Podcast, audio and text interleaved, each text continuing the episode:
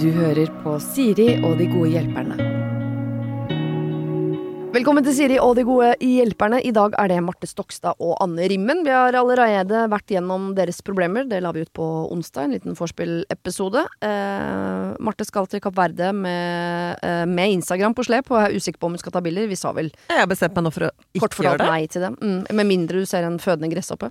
Eh, Da blir det. Da er det et yes på den.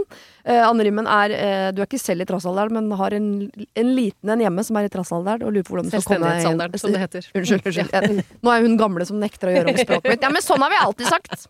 Er i selvstendighetsalderen, og vi har bare ønsket deg lykke til på reisen. Ja. det går over. Nå skal vi ta andres problemer, og jeg begynner eh, med et problem eh, som handler om en slags form for kontrollfrik. Jeg er ikke helt eh, Tenk litt på det. Er det det det handler om, kanskje? Kjære Siri og de gode hjelperne. Jeg har et problem jeg håper dere kan hjelpe meg med. Etter seks år som samboere i hans sin leilighet, kjøpte jeg og samboeren endelig hus sammen. Vi har to barn, og det er jevnt over fint. Men det er noe som plager meg. Han er så jævla perfeksjonist. Og når jeg skriver det, så mener jeg at han har en diagnose. Jeg tror ikke det er en diagnose, bare sånn at det er sagt. Alt skal måles og tenkes gjennom hundre ganger før det kjøpes. Ikke nok med det, men han skal i tillegg bestemme alt. Han tillater ikke meg å ta noen valg, og alt jeg tar inn av interiører eller lignende, blir kasta rett ut igjen. Dette er sykt frustrerende, siden jeg hadde gleda meg til endelig å eie og innrede noe selv. Problemet er bare at den perfeksjonistiske, overbestemmende fyren jeg tilfeldigvis er sammen med, ikke klarer å finne noe han liker av verken interiør eller innredning, før etter to uker med tenking på den ene tingen. Det tok fire uker før vi kjøpte seng til dattera vår. Vi har ennå ikke klesskap, for jeg har bodd her i to måneder. Og dersom jeg prøver å fikse eller kjøpe ting selv, så skjeller han meg bare ut og kaster tingene i garasjen. Jeg blir så jævlig oppgitt. Har dere noen gode råd? Er det greit at han bestemmer alt? Har noen opplevd noe lignende? Er det jeg som er ræva eh, på interiørsmak, og er det greit at han kaster ut det jeg får tak i? Skal sies at vi har kjøpt et splitter nytt hus. Han vil ikke ha noen gamle eh, ting inn hit, men jeg mener at vi trenger et midlertidig klesskap om ikke annet. Jeg er lei av å ha klærne mine på gulvet. Hjelp! Med vennlig Maria. Ja. Dette er jo et veldig eh, sterkt personlighetstrekk som er vanskelig å eh, vaske helt ut. Dette her burde du sett. Ja, her burde du Eh, ha kommet deg ut på et tidligere tidspunkt. Nei, men akkurat Ja. med det å ta valg, for eh, jeg har, er overhodet ikke sånn selv, og veldig impulsiv, men jeg har en eh, venninne som er sånn Skal vi ta en kaffe? Så bruker vi da en halvtime fordi at hun må finne det beste stedet i nærheten. Ja. Og hvis vi setter oss ned. Men det er bare liksom 20 minutter bort den veien. Der er det veldig mye bedre. Ja. Man blir helt gæren av det. Og det er vanskelig å ehm, gjøre om på.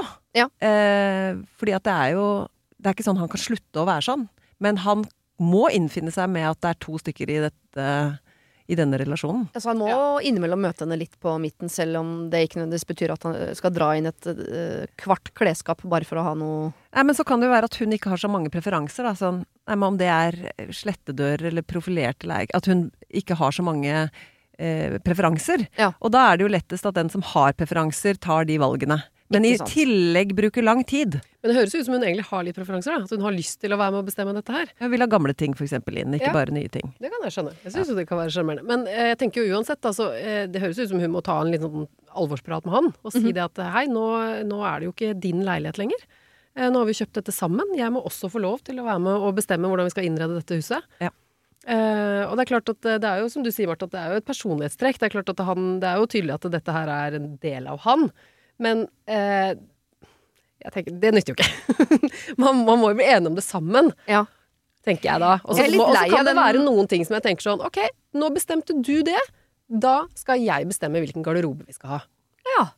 ja At man, at man kanskje og kanskje rom rom. gjøre sånn som Ja. eh, med trassalderen eh, til din datter. Gi to valg. Ja, kanskje Altså, eh, si ok, jeg, jeg vil ha noe gammelt her. Jeg har den arvekista her.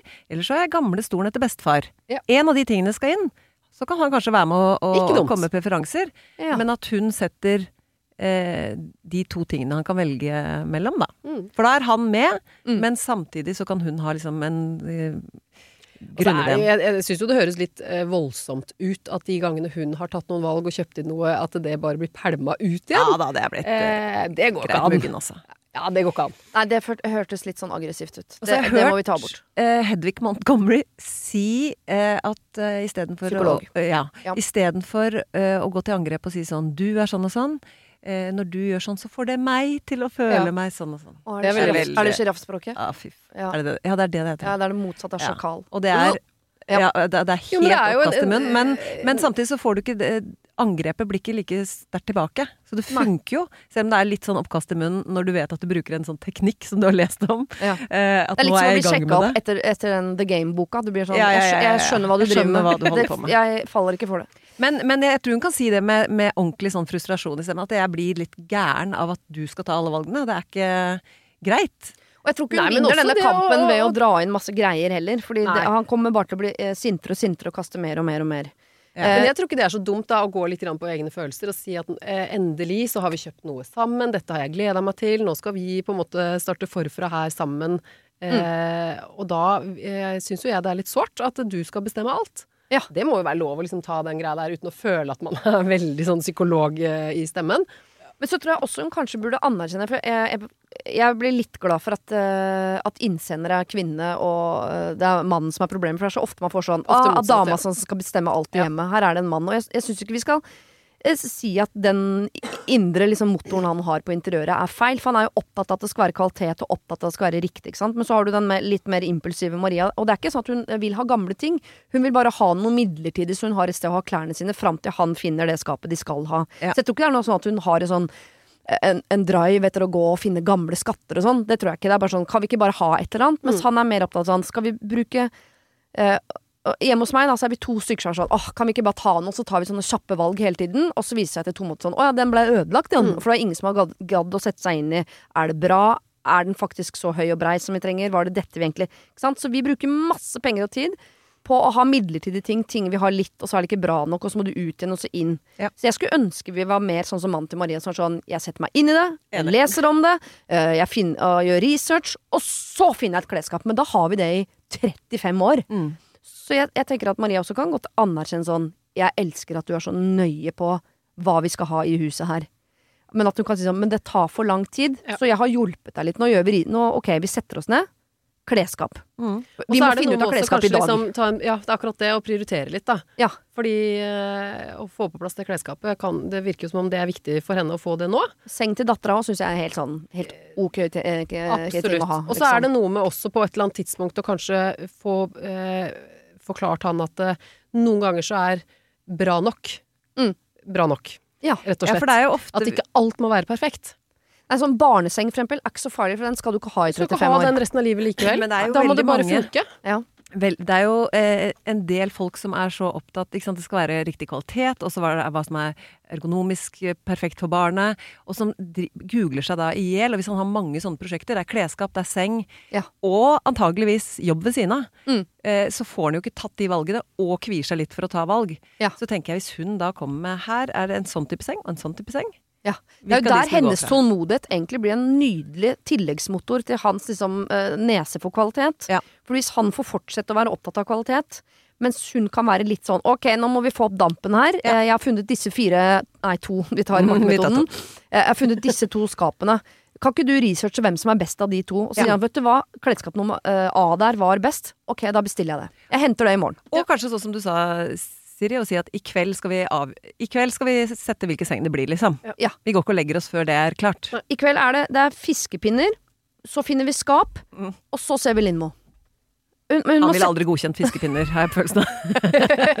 Men Lindmo er med på det. Er med på. Ja, ja. Jo, men bare uh, sette en sånn Dette skal vi i dag.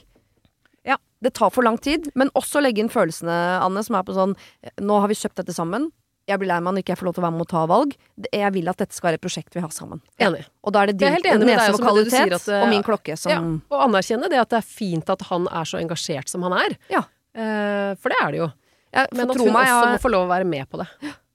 jeg har flere mail fra folk som er sånn åh, han bryr seg ikke i det hele tatt. Jeg kan Mm. si vi maler uh, hele huset rosa, gulv, tak og vegger. Så jeg er sånn, okay. Det er også frustrerende. Selvfølgelig. Ok, Så de møtes på en slags midt her, men de bruker hans kvalitetsnes og hennes liksom drive. Og litt følelser. Ja, og at hun setter litt sånn stoppeklokke på når avgjørelsen skal tas. Ja, Og dropp fiskepinner. Prøv det, da. Ok, og jeg stekte fiskepinner til sønnen min i går på varmluft i ovnen. Det ble ikke godt. Det ble aldri ferdig. Det ble bare, det var som å spise svamp. Du må ta det i airfryeren. Ja, det har jeg. Den sto ved siden av, den brukte vi ikke. Kan du ikke bare på stekepanna? Går mye fortere. Absolutt. Jeg prøvde å foreslå stekepanne, han sa nei til stekepanne. Jeg ga han ikke air fryer som valg. Det er gøy. okay. Han sier nei til stekepanne. Han sa nei til Jeg liker ikke det. Det vil ikke han ha, for han har sikkert sett på TikTok at fiskepinner skal i ovnen. Ja. Ok, vil du gifte deg? Igjen er det en som spør. Veldig søtt problem dette, jeg gleder meg til å snakke om det. Hei, jeg er en godt voksen kvinne. Mannen min og jeg har vært sammen i over 30 år og har voksne barn og barnebarn. For to år siden bestemte jeg meg for å gå ut av ekteskapet. Ikke pga. manglende særlighet eller utroskap, men av andre årsaker. Det resulterte i skilsmisse, depresjon og manglende livslyst. Nå har jeg flytta hjem igjen, og jeg føler at vi er like glad i hverandre som aldri før. Jeg vet at jeg vil tilbringe resten av livet med mannen min, og jeg angrer på at jeg trumfet gjennom skilsmissen. Så nå går jeg rundt og lurer på om jeg kan spørre om han vil gifte seg med meg igjen. Men skal jeg tørre det? Hilsen en som angrer på at jeg ikke venta litt med de skilsmissepapirene. Kall meg gjerne Karen. Ja. Kall meg gjerne. Karen. Er ikke det litt søtt? Det er jo det. Det er så litt de har funnet tilbake tilbake til hverandre etter 30 år, skilsmisse, og det er en glad historie. Det er gladhistorie. Ja. Mm Og, og jeg tenker jo at det er nesten bare ja, det, Nå høres det ut som hun også vil ha et nytt giftermål som en sånn Ikke bare det formelle, men at de skal liksom ha en fest og feire Mm. Bryllup, rett og slett. Ja. Eh, ja, for jeg tenker jo det er jo en, en sånn eh, rekke her som man ikke vil bryte, som man vil tilbake igjen i ekteskapet. Ja. Så det har vært en liten dupp. Så det er bare Går det ikke an å få annullert skilsmissene? Det er veldig lite romantisk, da. Ja. Jeg tenker jo, jeg tenker jo hvis, hvis hun nå er på et sted hvor hun liksom nesten er litt sånn nyforelska igjen, høres det ut som, da. Ja. Eh, så er jo det Er ikke det bare kjempeflott? Hvis, de, hvis hun da rett og slett frir til mannen sin igjen og sier akkurat det hun sa der, at det, er han jeg vil være med resten av livet. Skal vi ikke bare? Og da har de også muligheten til å, å få en litt sånn hyggelig fest med venner og familie. Jeg skjønner nesten ikke hva hun er redd for, med mindre hun er redd for et nei. At kanskje han tenker ja, men det, det funka jo ikke sist, men det funka jo i 30 år.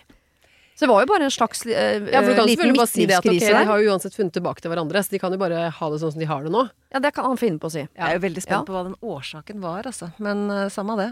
Jo, men tror du, i 30 år så kan man gå i en tralt, og så tenker man sånn Vet du hva, nå husker jeg nesten ikke hva du heter, men jeg skjønner at du bor her, for vi sitter jo ved siden av hverandre og ser på TV hver eneste kveld, men jeg må ut, jeg, jeg må oppleve liv. Nå er det ikke så lenge igjen, jeg må ut, jeg må oppleve, og så kommer du ut her så er det sånn Ja, her var det jo akkurat som hjemme. Ja. Kanskje, Se for meg. vet du hva, jeg tenker det at uh, her er det to stykker som tydeligvis er glad i hverandre. De har funnet tilbake til hverandre og til uh, kjærligheten. Ja. Uh, hun har jo lyst til det, og mest sannsynlig så Han svarer jo ja. Ja, det tror jeg òg. Ja. Så, Og så er det- hvorfor ikke? Og er det ikke litt fint at det er hun som gjør det, siden det, er hun som, det virker som det er hun som har trumfa gjennom den skilsmissen sist? Ja, så usikkerheten er jo størst der eh, for hans del òg, tenker jeg. Hvis det er hun som har gått ut, og hun som har kommet tilbake, så er det jo også fair at hun ja, Tar initiativet til eh, gjenforeningen. Ja. Sånn ordentlig. Hun angrer på den skilsmissen. Hun har lyst til å gifte seg. Ja, det er bare å si det. Og da, må hun jo, da kan hun jo ikke være sånn eh, jente i 14 år sånn Jeg vil at han skal fri. Det må hun gjøre. Nei, det er ikke noe vits i. Sånn gidder vi ikke å tenke. Nei. Hun har jo lyst til det her, og det er bare en fin og positiv greie. Hvordan skal hun gjøre det, da? Litt sånn brask og bram? Eller? Ehm, nei, det kommer jo an på typen. Nå fikk Hvem jeg er, ikke helt sånn hvem liksom. er de, liksom? Det er litt sånn, og, og, og hvordan skjedde det sist? Åh, kanskje, kanskje gjøre frieriet som en gang ble gjort, på nytt. Altså gå tilbake til det stedet hvor Ja. han Jeg vet ikke om det er han eller hun som fridde for 30 år siden. 30 år siden, da var det Altså, kanskje antas han. var han. Ja. antar ja, jeg antar det er han. Ja. Så egentlig bare rekonstruere det. Fordi at det er jo det man gjør, bare rekonstruere hele forholdet. Og tenk, og så er det hans tur til å si ja, og så gifter dere dere, og det er barna deres er voksne. Barnebarna er der. Altså, familie, altså, det er så mange som kommer til å bli glad for dette. Du må gjøre akkurat dette. det samme som eh, om det var under tannpussen eller eh, på en flott strand. Ja, Så må bare rekonstruere eh, Så må du bare rekonstruere det. Det er gøy!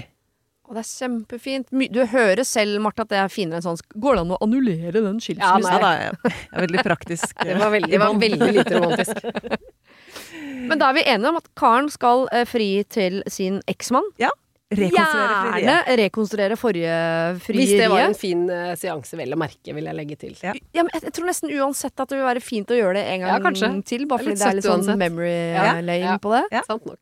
Og jeg syns de nesten kan bare gjøre det samme bryllupet om igjen, da, på en eller annen måte. Ja. Og hvis du har brudekjolen, ta syden om, hvert fall så du har det som et kiler i lite sida, så Jo, du kan bruke deler av den sånn, Ja, ja, eller det er syne om til duk, eller hva Ja, hva men det er en fin greie. Det er fint. Ja, for da henger det, er det jo litt uh, Det henger sammen. Ja. Vi stemmer for uh, et nytt frieri. Mm. Dette her trenger jeg eh, fortløpende oppdateringer eh, på. Ja. Gjorde du det? Hva sa han? Når skal drifte dere? Blir det sånn Kan de ikke bare legge det ut på Instagram? Ja, eh, lag en egen eh, Instagram-profil på Ja. Ah, lykke til, Karen. Du skal fri. Eh, og vi tror og håper at han sier ja. Ja.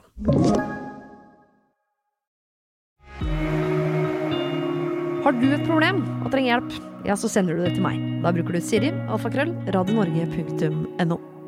Skal over til noe tristere, egentlig. Bare ga dere en liten sånn «Woo!» okay. før vi skal ned igjen. Mhm. Hei, Siri. Jeg har et problem, og jeg ønsker deres innspill. Jeg ble alenemor for et halvt år siden, og barnet er nå litt over et år. Min mor bor i nærheten av oss og stiller opp eh, for hva det enn måtte være. Hun er barnevakt når jeg har kveldsvakter, hun passer barnet når jeg er syk, hun kaster seg i bilen om jeg skulle ymte frampå at jeg trenger barnevakt. Ja, hun har til og med meldt seg syk på sin egen jobb for å stille opp som barnevakt for meg. Jeg tør nesten ikke spørre lenger, og understreker alltid at jeg gjerne kan spørre noen andre, men jeg må innrømme at det har gjort livet mitt mye lettere eh, når min mor stiller opp så til de grader. La det ikke være noen tvil om at jeg er takknemlig for hennes selvoppofrende væremåte. Vi har aldri hatt et spesielt, eller vi har aldri hatt en spesielt god relasjon, men likevel har hun alltid vært helt vill på å ta kontakt med meg. Gjennom ungdoms- og studietida ringte hun meg nærmest daglig. Det ble en slags forpliktelse at jeg måtte snakke med henne slik at hun ikke skulle bli såra. Heldigvis avtok den hyppige kontakten gradvis, og på det beste hadde vi bare kontakt noen ganger i uka. Men nå. Nå er alt tilbake med full kraft, og vel så det. Gjennom en dag sender hun meg gjerne fem-seks meldinger på Messenger med ulikt innhold, for eksempel Ha en fin dag, jenta mi. Det er livsfarlig glatt ute. Bussen er forsinka i dag. Jeg så nettopp at det gikk en buss. Gikk det fint med barnebarnet i barnehagen? Skal jeg lage og ta med middag til dere? Trenger du noe på butikken? Disse kan hun sende med en times mellomrom uten at jeg rekker å svare på noen av dem i mellomtiden. Jeg har melding eh, eh, Jeg har eh, meldinger som jeg har fått etter at jeg har sovna, før jeg våkna. I tillegg ringer hun fram til hun får svar, for eksempel for å få vite om hun skal lage middag til oss, sånn helt ut av det blå. Enkelte dager kontakter hun opptil ti ganger, men siden jeg har dette lille barnet, så begrenser jeg min mobilbruk. Jeg rekker ikke å svare, jeg, før etter at barnet har lagt seg, og da er jeg også helt tappa over at hun har skrevet til meg så mange ganger. Enhver annen ville vel tatt hintet og ikke stilt fem ulike spørsmål man ikke får svar på noen av dem. Dilemmaet mitt er at jeg forstår at hun ønsker å hjelpe, og jeg er avhengig av en del av hennes hjelp, men langt ifra alt hun tilbyr å hjelpe med. For min del kunne vi ha snakket sammen et par ganger i uka, hun kunne sett barnebarnet sitt kanskje ja, to ganger i uka, men det blir for mye med alle de meldingene. Men hun er av typen som tar kritikk veldig dårlig. Kanskje en av grunnene til vår dårlige relasjon tidligere. Har jeg noensinne prøvd å kritisere henne eller gi tilbakemeldinger før, så hugger hun tilbake med et hugg så hardt at det ikke burde vært lov. Hun ville blitt ekstremt såra om jeg sa rett ut uh, at uh, hun må begrense kontakten. Jeg vil jo ikke virke, virke utakknemlig heller. Så, er det sånn at jeg bare må holde ut? Jeg blir ganske sliten av alle de meldingene, og jeg er redd dette vil uh, vare livet ut. Strategien om å overse funker som sagt ikke. Med vennlig hilsen alenemor. Uff da. Dette er Jeg hørte jo midtveis her et litt sånn å herregud. Så, vi blir jo sliten bare av å høre om alle de meldingene. Men Ja. dette er jo, og det er det som er vanskelig, fordi eh, dette er jo en mor som helt tydelig lever veldig gjennom sitt barn og barnebarn også, som eh, har en stor del av sin egen lykkefølelse knytta til deres tilstedeværelse i livet. Mm. Og så er jo utfordringen at man, ja, man trenger hjelpen, men man trenger ikke sluket, liksom, som det blir. Kjempevanskelig å ta den eh, praten. Og sluker vil ikke ha kritikk for å være sluk. Nei, og kommer da til å bruke imot også kanskje alt det jeg gjør og stiller opp med. Mm. Eh, hvordan skulle du Er dette takka? Ja, er dette Mm. takka? Og plutselig mister hun jeg den tenker jo litt også at uh, det høres ut som om mor har litt for lite å gjøre. Ja. Um, fordi jeg, altså sånn uh, Ja, bestemor. Ja, ja, ja, ja, Ja. bestemor, ja. Uh, fordi sånn umiddelbart så tenker jeg jo liksom ok, eh, kanskje du må ta den praten. Og det høres ut som det ikke helt funker. Og kanskje du må ignorere det litt. Og det funker heller ikke. Men kunne det vært en idé å komme med noe forslag på noe form for hobby eller aktivitet som hun skal bruke litt tid på? Som rett og slett gjør at hun ikke trenger å sende alle disse meldingene om at eh, bussen er forsinka og osv. Eh, Ja. fordi- Da kommer det jo oppdateringer derfra også. jo, men det er Alt om keramikkurs i dag! ja, men det er kanskje på en måte likevel litt eh, sunnere, på en måte, da. Blir kanskje ikke så oppfatta som så masete på, på henne, da. At noen av meldingene går over til sånn 'se hva jeg har lagd', istedenfor Ja. bare at det er spørsmål. For det er jo spørsmål man Ja. føler sånn 'åh, jeg må svare'. Jeg, Ja, ja, jeg har ikke lyst til å svare på alle de spørsmålene. Og det er jo fryktelig eh, Blir jo ganske kjedelig prat også. Sånn eh, bussen, og det går brått, jeg, og ja, jeg takk. tenker det. Altså, det er, hun, hun bestemor eh, Hun trenger jo å ha henne i livet, åpenbart, fordi at hun er eh, en god støttespiller i forhold til barnevakt osv. Mm. Men at bestemor også eh, trenger en hobby. Hun trenger noe annet å bruke tiden sin på enn å drive og sende alle disse meldingene. Åh, jeg liker måten du tenker på at du istedenfor å, å angripe et problem sånn som jeg gjør det, med horna ute og rett på, og jeg går rett fram samme vei jeg støtter på, så går du noen deilig vei rundt og løser det med noe mer sånn rosa der borte, som ofte er en mye bedre løsning. Nei, men Det er ikke sikkert at det er det. fordi at det er klart at det å gå til roten av problemet er jo ofte det beste. Men jeg føler sånn som hun selv beskriver, hun sier jo det selv, at eh, hun har prøvd Ja. å si ting, og da blir det veldig dårlig stemning. Hun har prøvd å ignorere det litt, og det funker heller ikke. Nei. Som jo er kanskje de to eh, åpenbare førstevalgene, da. Men og derfor tenker tenker jeg sånn, er det fordi at hun Ja, hun har jo ikke noe annet å bruke tida si på og eh, enn en å drive og sende alle disse meldingene hele tiden, da. Hun, hun må rett og slett uh, Og så skjønner jeg at alenemor også er redd fordi hvis hun sier fra, selv om jeg mener det må jo finnes en måte å si fra på som ikke er så sårende for mor, uh, men hvis Mm. hun blir såra, så mister hun det potensielt. Tenk hvis hun surner helt. Altså. Nei, da kan hun klare deg sjøl. Ja, ikke sant. jeg, eh, en, et annet alternativ som kan funke, Mhm. det er eh, å snakke om eh, mobilbruk f.eks. med mor, og si at vet du hva, jeg eh, har tenkt eh, jeg syns jeg bruker mye tid på telefonen. Altså Du begynner med å egentlig gi deg selv kritikk. Jeg vil være til stede for mitt barn, sånn som du var Jeg for meg, mamma. Ja, Mm. For jeg vokste jo opp på en tid hvor det ikke var mobiltelefon. Eh, og jeg merker at nå begynner datteren min å være altfor opptatt av den mobilen. Så jeg har liksom bestemt meg nå for å ta en liten sånn pause. Ja. Så eh, at du for jeg, Og jeg har sagt det til mine venner, og eh, sier det også nå til deg, for da føler ikke hun seg angrepet alene. Nei. Men så når du ikke får svar på meldinger, så eh, kan vi heller spare det til vi møtes. For da har vi mer å prate om. Så jeg skal Mm. prøve det som en kur for eget liv. For da eh, kritiserer hun egentlig seg selv Ja. for at jeg bruker for mye tid på telefonen. Så jeg har lyst til å prøve eh, å la telefonen ligge. Derfor kommer jeg ikke til å svare på meldinger, men da kan vi heller liksom ha eh, to ganger i uka, da. Hvor jeg skal prøve å spare opp ting, så vi da har mer å fortelle til hverandre. alt. Ikke Jeg har, dumt. jeg har kjøpt en Ikke bok dumt. til deg på Nille. Kan du skrive ned alt, og så tar vi det på tirsdager og Ja. torsdager. For litt sånn, er ikke det gøy å prøve? Ja, og så kan hun legge på Jeg lagt på sånn Jeg tok ettåringen og scrolle i går. Og nå har jeg sett at uh, Folkehelseinstituttet sier at uh, ja, og må til å henge uppe det, så har sagt at mobilbruk blant unge i dag Ja, ja. er like skadelig som røyk. Altså, Ja, liksom bare, jeg, nå har jeg tatt et valg for meg og datteren min. Mm. Jeg skal være, leve her og nå, være til stede for datteren min. For det fører jo til forandring eh, på mobilbruken i forhold til mor, men du begynner ikke med å kritisere at jeg får mange meldinger av deg, men jeg ønsker eh, å ikke være så mye på mobil. Hun kritiserer Eh, samfunnet. Hun kritiserer samfunnet, og drar med seg vennene i sluket, ikke sant? At Ja. jeg vil ikke scrolle så mye. Så eh, jeg bare sier ifra at når, hvis du sender meg meldinger så kommer du ikke til å få svar, for jeg skal liksom eh, teste ut dette. Hva Eh, hvis mor svarer da? Ja, så, men hvis du trenger hjelp av meg, da forventer du at jeg svarer, ikke sant? ja, men da ringer man, da. Ja. Og Også, men kan heller ta sånn, og det, og det er jo på en måte når noe er sånn jeg trenger hjelp til å hente i barnehagen, så er det noe annet enn den der hverdagslige hva skal du i dag? Nå har jeg, jeg vært i blomsterbutikken. Jeg skulle til også foreslå en ting eh, som er eh, helt sånn faste avtaler. Kunne du fast på tirsdager og torsdager hentet i barnehagen, Ja. dratt hjem til deg, lage middag, så henter jeg sånn i åttetiden. Sånn at, Ja. For det, det husker jeg, det hadde jeg så lyst på når barna mine var små. Sånn helt sånn eh, på tirsdager så kan jeg jobbe så lenge jeg vil, ja, fordi jeg skal ikke rekke noe. Fordi da er bar, eh, barna hos eh, mor eller svigermor eller et eller annet. Ja. Eh, og ha de der, selv om ikke det er sånn, det er ikke hver tirsdag jeg nødvendigvis skal noe, men ofte jobber jeg seint på tirsdager, eller, og da er muligheten til å gå på kafé, eller gjøre et eller annet annet. Ja. Mm. Sånn at man har sånn Og for denne moren også, så slipper det å være så mye meldinger. Mm. Hver eneste Men da må hun tirsdag-torsdag, så, er det- så, er det- så er det Bestemor som bestemortid, liksom. Ja. Ja. Og så må da eh, hun være litt sånn eh, andre veien. Hun kan ikke da ringe moren sin hele tiden, for hun kan bli litt eh, Ikke lat av det, men sånn Det ordner seg alltid, liksom. Du har en Ja. mor, og da får du også eh, de negative tingene, da, med at hun er for mye på. Mm. Så hun må også greie seg selv på å, å finne noen andre løsninger.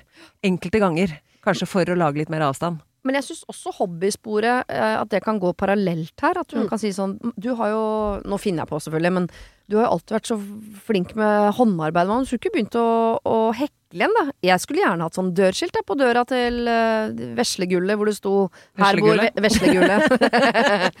Og du Ja, er så det- flink med skulle ikke, du, du skulle ikke jo begynt med det igjen, da. Mm. Absolutt. Ja. Mm. Men få henne inn i en heklegruppe, da, for det er viktig at det er, sosi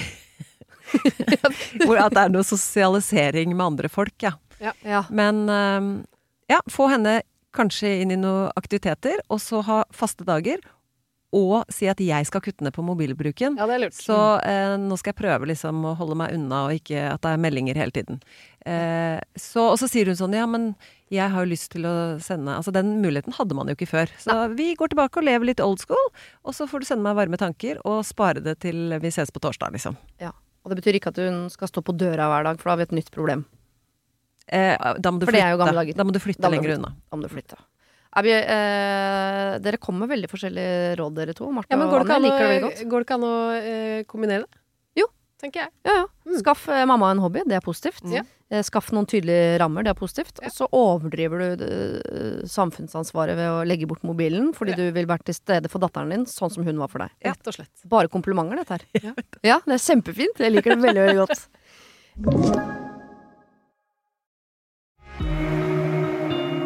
Har du et problem og trenger hjelp, ja, så sender du det til meg. Da bruker du Siri, alfakrøll, radionorge.no. Eh, vi skal eh, inn i et nytt bryllup. Men det er ikke like romantisk Jo, det blir det. Det trekker jeg tilbake. Det blir like romantisk som dette nye bryllupet som vi rigga i stad. Mm. Eh, Vi må bare løse opp i en liten flok her. Jeg skal gifte meg til sommeren. Woohoo! Dette gleder jeg meg masse til. Men jeg har et problem når det kommer til forlover, som jeg har valgt. Dere kan kalle henne Johanne. Dagen etter forlovelsen kjente jeg at det var riktig å spørre Johanne om å være forlover, og hun sa ja. Vi har vært eh, nære venninner siden videregående, men forholdet vårt har vært noe anstrengt de siste fire-fem åra, da hun sliter mye psykisk. Og eh, jeg har derfor vært mer psykolog enn venninne de siste åra. Det har gjort at jeg tidvis har måttet trekke meg litt unna for å ivareta egen helse. Ettersom jeg også sliter med mitt. Til info så har hun bodd i et annet land eh, enn meg de siste ti åra, så det å miste litt kontakt er kanskje naturlig uansett. Allikevel, jeg valgte Johanne da det føltes mest intuitivt. Vi begge elsker å holde på med kreative ting, idémyldring og utveksling av inspirasjonsbilder, så jeg tenkte dette ville være et perfekt prosjekt å ha sammen. Problemet er bare når vi møtes for å gjøre disse tingene eh, digitalt, så glir det ofte over i terapi. Eller at hun avlyser rett før. Da sitter jeg igjen veldig skuffet og lei meg og undrer på om hun egentlig er i stand til å holde i denne oppgaven. Jeg vil at det skal være hyggelig for oss begge, og jeg vet at hun blir lei seg når hun føler at hun ikke strekker til.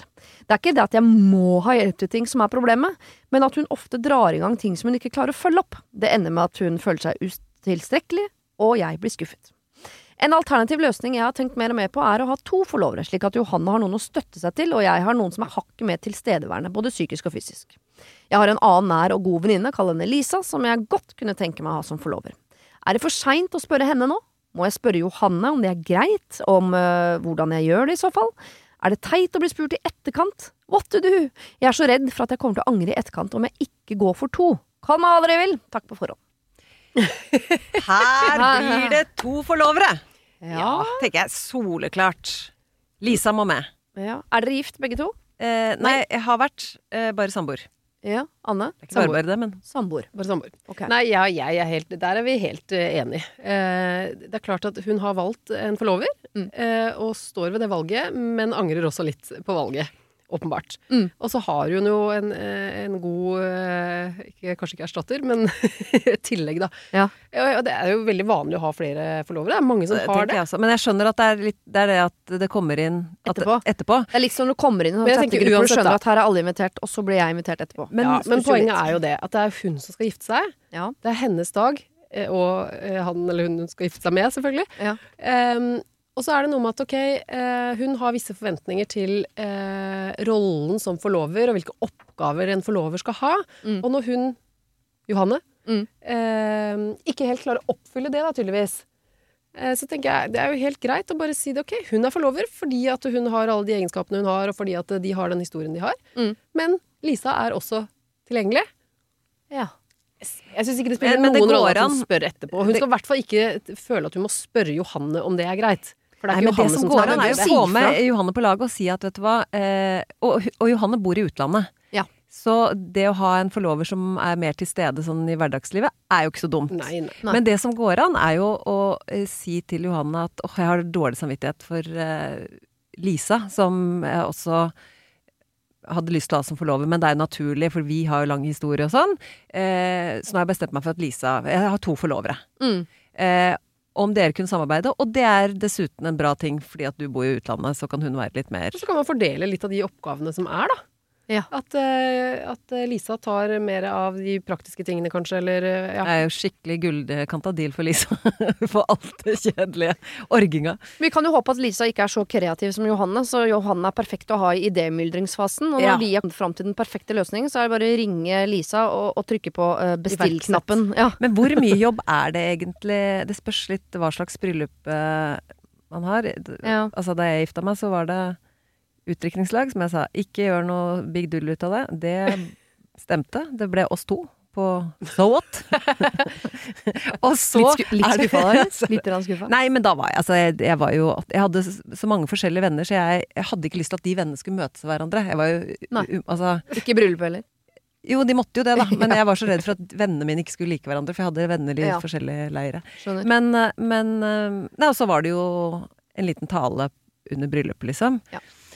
Så da, Vi vet ikke vet helt ikke, vi eh, vet ikke helt hvordan- hvor mye jobb og Nei, trenger er det er så mye som, jobb, liksom, Men det er som jo involverer veldig, liksom. Og det er jo tydelig at hun har noen forventninger om eh, rollen som forlover. Ja. Ikke sant? Ja. Og at eh, Johanne ikke helt oppfyller eh, de tingene hun ser for seg at skal skje. Også fordi hun bor i utlandet, ikke bare fordi hun Eh, Ja, men det er jo tydelig at det, det sporer, sporer av litt når de driver og skal egentlig planlegge. At det ender opp med at praten handler om litt andre ting enn det hun vil, da i hvert fall. Ja, for jeg tenkte eh, et øyeblikk der at hun, dette kan være en fin anledning til å si sånn Du, du har jo slitt litt de siste åra, det har jeg også, så vi har jo nesten blitt litt sånn eh, psykologer for hverandre, og det er veldig koselig. Eh, jeg bare lurer på om Om hun skal ta den retninga sånn av hensyn til deg, så, så har jeg skaffet deg en slags mellomleder. Eller om hun skal si eh, Ta det helt andre veien. og Sånn, vet du hva, jeg er veldig glad i Lisa også, og har egentlig alltid tenkt at jeg vil ha to forlovere. Så jeg har spurt Lisa så, så nå er dere to. Men det er egentlig perfekt, for du er jo så god på idémyldringa. Og Lisa bor jo her hvor jeg bor, så kan hun hjelpe til å fikse de tingene til, som vi ikke får til til. frisøren på prøvetime for å finne ut av hvordan hår og makeup skal være. Det Ja. kan hun gjøre som er der. Ja. Og så Prøvesmake kake. Det er noen som bruker det sånn. Du må være med å prøvesmake kake, Ja, ja. være med å prøve kjole, du må være med å prøve, prøve frisør og sminke. Ja, ja. Men det er jo, ikke sant Og så tenker jeg at eh, hun må ikke føle at eh, hun må spørre Johanne om lov til ting. Nei. Det er hun som skal gifte seg. Det er ikke Johannes sin dag. Nei. Rett og slett. Nei, og så må hun jo bare være mentalt forberedt på at det kan jo bli Nå vet jeg ikke liksom hvordan Johanne er som type, men det kan jo bli en eh, At hun kan bli sår, eller Ja. Ikke sant? Det kan jo skje. Og hvis hun er konfliktsky, denne personen som har skrevet inn, så er jo det en veldig ubehagelig situasjon. Eh, og måtte begynne å ro, på en måte. Ja. Så det er viktig bare at du legger det fram eh, tydeligst mulig. Eh, sånn eh, Jeg har hatt mulig og Ja, jeg har- fortegn, tenker jeg. tenkt hele tiden. Du, selvfølgelig forlover. Lisa eh, har jeg angra litt på at jeg ikke tok med inn i starten, for jeg ville veldig gjerne ha to forlovere. Mm. Eh, så nå har jeg tenkt å spørre Lisa, eller har spurt Lisa. Hun har sagt ja. Mm. Eh, og det tenker jeg også er en bra ting, for da kan dere samarbeide, så blir det ikke så mye.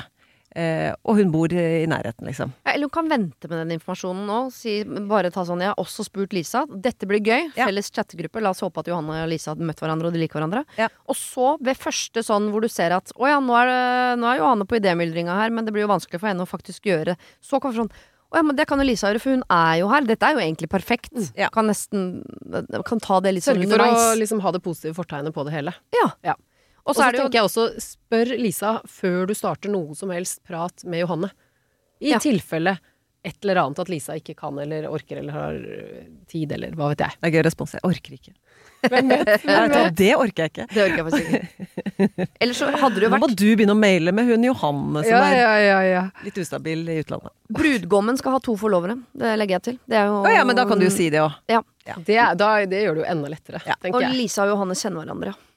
De gjør faktisk det. Men jeg kom på en ting som jeg egentlig Altså Før jeg visste at jeg skulle gifte meg, når jeg bare gikk rundt og surra og drømte om å gifte meg som et sånn generelt konsept med en eller annen, så husker jeg hadde en, pro, eh, en, eh, noe jeg drømte om, og det var at eh, jeg skulle ha tre forlovere. Og det endte jeg opp med å ha også, de tre jeg så for meg hele veien. Og vi fire skulle dra til London og kjøpe kjole sammen. For jeg ville ikke ha brudekjole, jeg ville bare ha en dritfin kjole. Da så jeg for meg sånn Viken i London, hvor vi går rundt og drikker champagne og prøver kjoler og surrer. Det ble ikke noe av. Men her kan jo Jeg tenkte å, det er litt gøy! Ja, ja, jeg vet det. Det burde Det vi nest, neste gang. Ja. Men at uh, bruden her tar med seg uh, Lisa til dit hvor Johanne bor. Ja. La oss håpe hun ikke bor i noen eh, Hvis hun bor i London eller Ja. lignende. Ja, men de fleste byer er jo større enn våre byer, så at de har en kjolebutikk, la oss bare gå ut fra det. Ja. Eller nærmeste storby. At de da, for da får de en helg sammen. Ja.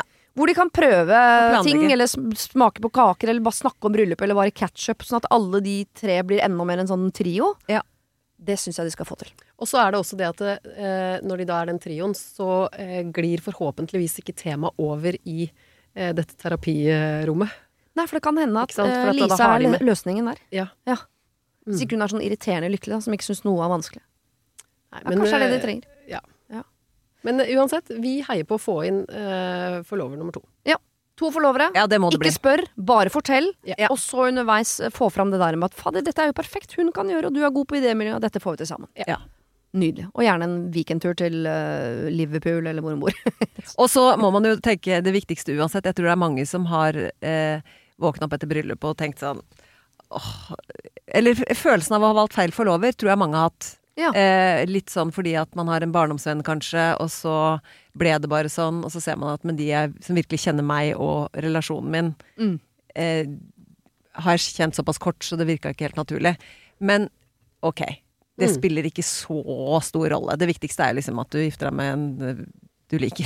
Jeg tror nesten alle de tingene man går og problematiserer i forkant av et bryllup, på, i selve bryllupet, så ah, det var ikke, det var ikke sjans til å tenke på det. Så det er liksom Det blir bra. Ja. Uansett. Nesten. Eh, vi skal treffe en håpløs kjæreste. De er jo mange av. Vi skal treffe en av dem. Kjære Siri og dine fine hjelpere. Jeg har lenge trodd at mannen jeg er sammen med, er mannen i mitt liv. Men jeg begynner å bli usikker. Jeg og kjæresten min, kall han Cato, har vært sammen i ett og et halvt år, og er samboere. Vi har utrolig bra kjemi, og han får meg til å le hver eneste dag. Han ser positivt på livet, og det smitter over. Dessuten har han på mange måter fått meg til å tenke bra om meg selv, noe jeg ikke har gjort tidligere. Og han er den eneste personen jeg har stolt på 100 i løpet av, mi- av mitt liv. Men så kom min 30-årsdag.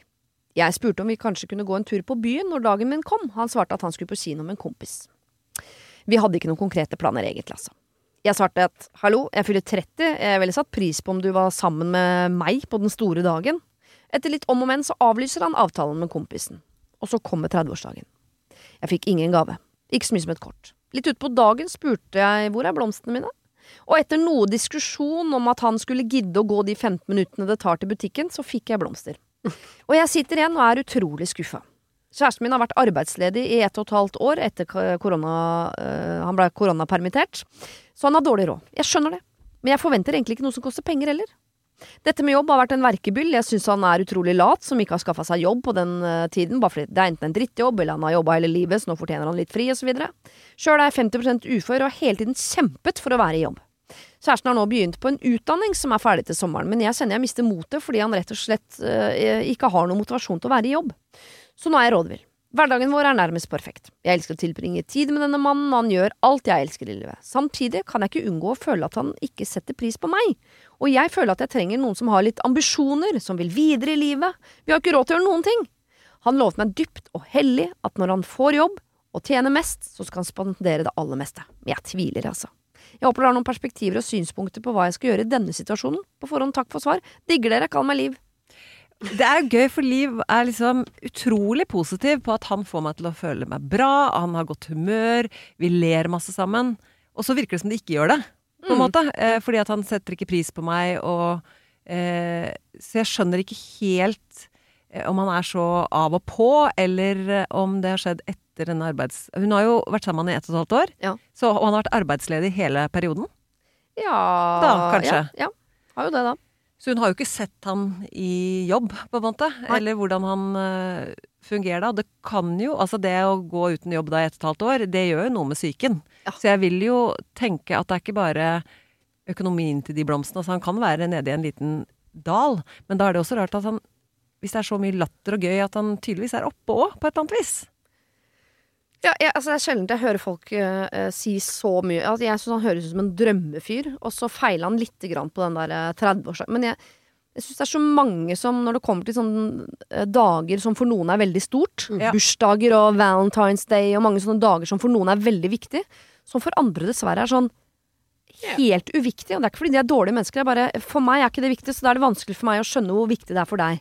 Og det der, ja, det tenkte jeg jo litt. At uh, de har litt forskjellig oppfatning og forskjellige forventninger til en sånn type dag, da. Mm. Det tror jeg nok uh, Fordi det er ikke alle som er så opptatt av bursdager, og det er ikke alle som er så opptatt av eh, forskjellige merkedager. Nei.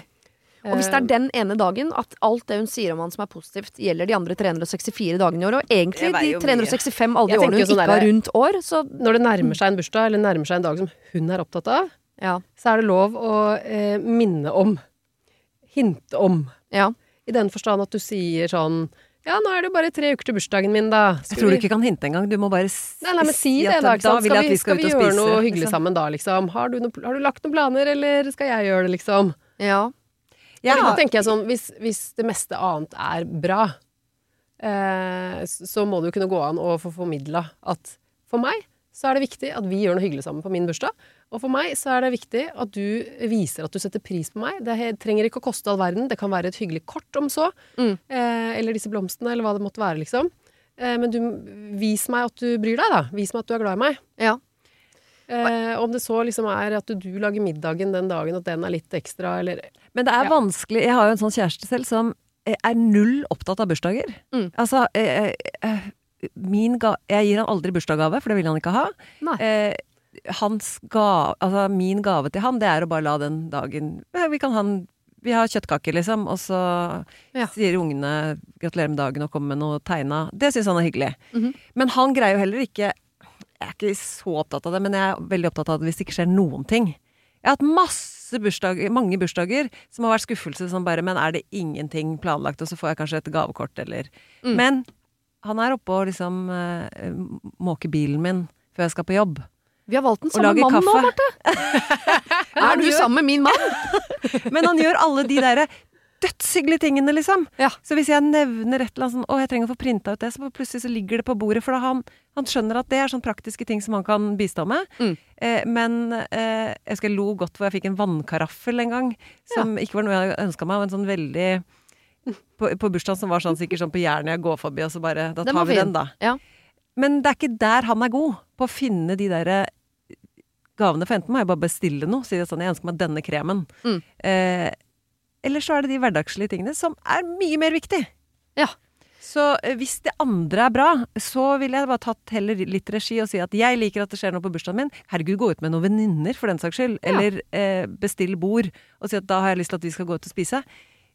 Ikke sitt liksom jeg- For da blir det bare skuffelser. Skyte inn litt sånn, Nå sitter vi og sier sånn, hvis det er det eneste. Men hun sier jo også noe der om at hun egentlig ønsker seg en mann med litt mer ambisjoner, litt mer eh, drive. Ja. Ja. Sto det ikke det også der på Jo da, slutten? jo det handler ikke bare om den bursdagen, om manglende interesse og feiring rundt den. Det er noe mer som stikker der. Men eh, det mener jeg å oppfatte. ja. Men det er klart det det, man lever er litt på så- henne også. Men det som jo er litt spesielt her, er jo kanskje nettopp det med at uh, de har vært sammen i halvannet år. Mm. Uh, sånn at uh, Og han har vært arbeidsledig i halvannet år. Han studerer. Jeg legger til Han det. studerer. Ja. ja. Men, men eh, Altså, da gjør han jo noe, da, i hvert fall. Han Ja. har sagt at når han får jobb og tjener mest, så skal han spandere det aller meste. Han har jo noen ambisjoner om at han skal få en jobb hvor han tjener mer enn henne, så han kan ta vare på henne. Det er gøy. Ja, når jeg tjener mest Jeg skulle til å si hvorfor er det målet, liksom? Ja, ja, han men- tjener ja. mest. Men, Men det det- er kanskje fordi hun er halvt eh, 50 ufør, da. At det er noe med det. Men eh, eh, ja, som sagt, når det gjelder bursdagsfeiring og datoer som hun tydeligvis er mer opptatt av enn han, Mm. eh, så er det noe med at da må hun bare eh, ta litt ansvar. Sørge for at det blir feira på en eller annen måte, om det er med han, eller om det er å gå ut med venner, som Marte sier, eller eh, ja.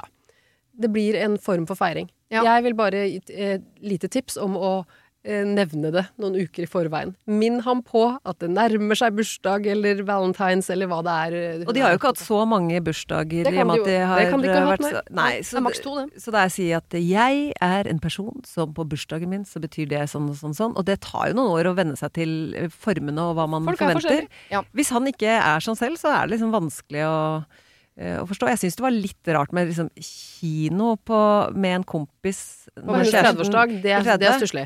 Men det, Det litt jo Men det avlyste han. Det avlyste han jo også. Ja da. Så han er jo tydeligvis uh, tilsnakkende. Men det er jo de andre dagene som teller. Uh, og de Og la ble- meg da lese om igjen hvordan han er de andre dagene. Vi har utrolig bra kjemi. Han får meg til å le hver eneste dag. Han ser positivt på livet, og det smitter over. Han har fått meg på mange måter til å tenke bra om meg selv, noe jeg ikke har gjort tidligere. Og han er den eneste personen jeg har stolt på 100% i løpet av mitt liv. Ja, der har du det. Men du var ikke noe kul på bursdagen min. Nei, for du kommer Sorry. til å hvis du, hvis, du, hvis du går fra han på det grunnlaget, og så sitter du og sveiper på Tinder og tenkte bare sånn Jeg hadde en kjempebra fyr, men greide, var litt dårlig på å planlegge bursdagen min. Ja.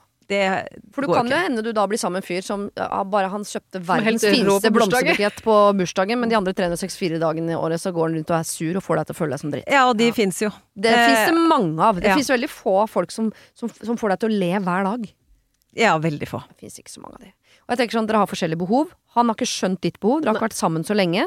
Eh, du kan godt fortelle han ditt behov. For meg er bursdag viktig. Ja. Eh, og så kan du da Ellers så dette, eh, snakker jeg av erfaring. Du blir vant til den skuffelsen den ene dagen i året hvor du tenker sånn 'Nå har det vært gøy med litt brask og bram!' Ja. Nei, det ble det ikke i år heller. Da må du, eh, det er lettere for deg da å lage brask og bram, Mm. eller å på en eller annen merkelig måte tenke at mannen din skal bli en brask og bram-fyr. Ja. For det er han ikke. Nei. Nei, så da får du lage din egen brask og bram en Også gang i hint- året, og så kose deg med verdens beste fyr ellers. Si hva du vil ha. Ja. På bursdagen min vil jeg ha tulipaner. Og så vent nå til, fordi at nå er han i utdannelse, og eh, skal jo Så vent og se han i arbeidslivet òg. Da kommer han kanskje til å blomstre opp enda mer. Ja. Eller, sorry altså, jeg har bursdag i dag. Se så fin blomsterbukett jeg har kjøpt. I dag skal vi spise god middag sammen og kose oss. Topp. Ja. Lykke til. Da oppdrar du han på en eller annen måte til å bli, se litt på verden sånn som du ser på verden, og så får du kose deg med han de andre 364 dagene i året. Og om litt, til sommeren, så får han seg jobb. Da skal han spandere alt. Tenk så deilig det blir, Liv. For da skal han tjene mest. Da skal han tjene aller, aller mest. Tusen takk, Anne og Marte, for at dere var mine gode hjelpere. Det har vært en eh, rollercoaster start Ja, på året, har det ikke det? da? Takk for at vi fikk komme. Det var det. Husk å sende problem til siri.radionorge.no om du vil ha hjelp. Denne podkasten er produsert av Klynge for Podplay.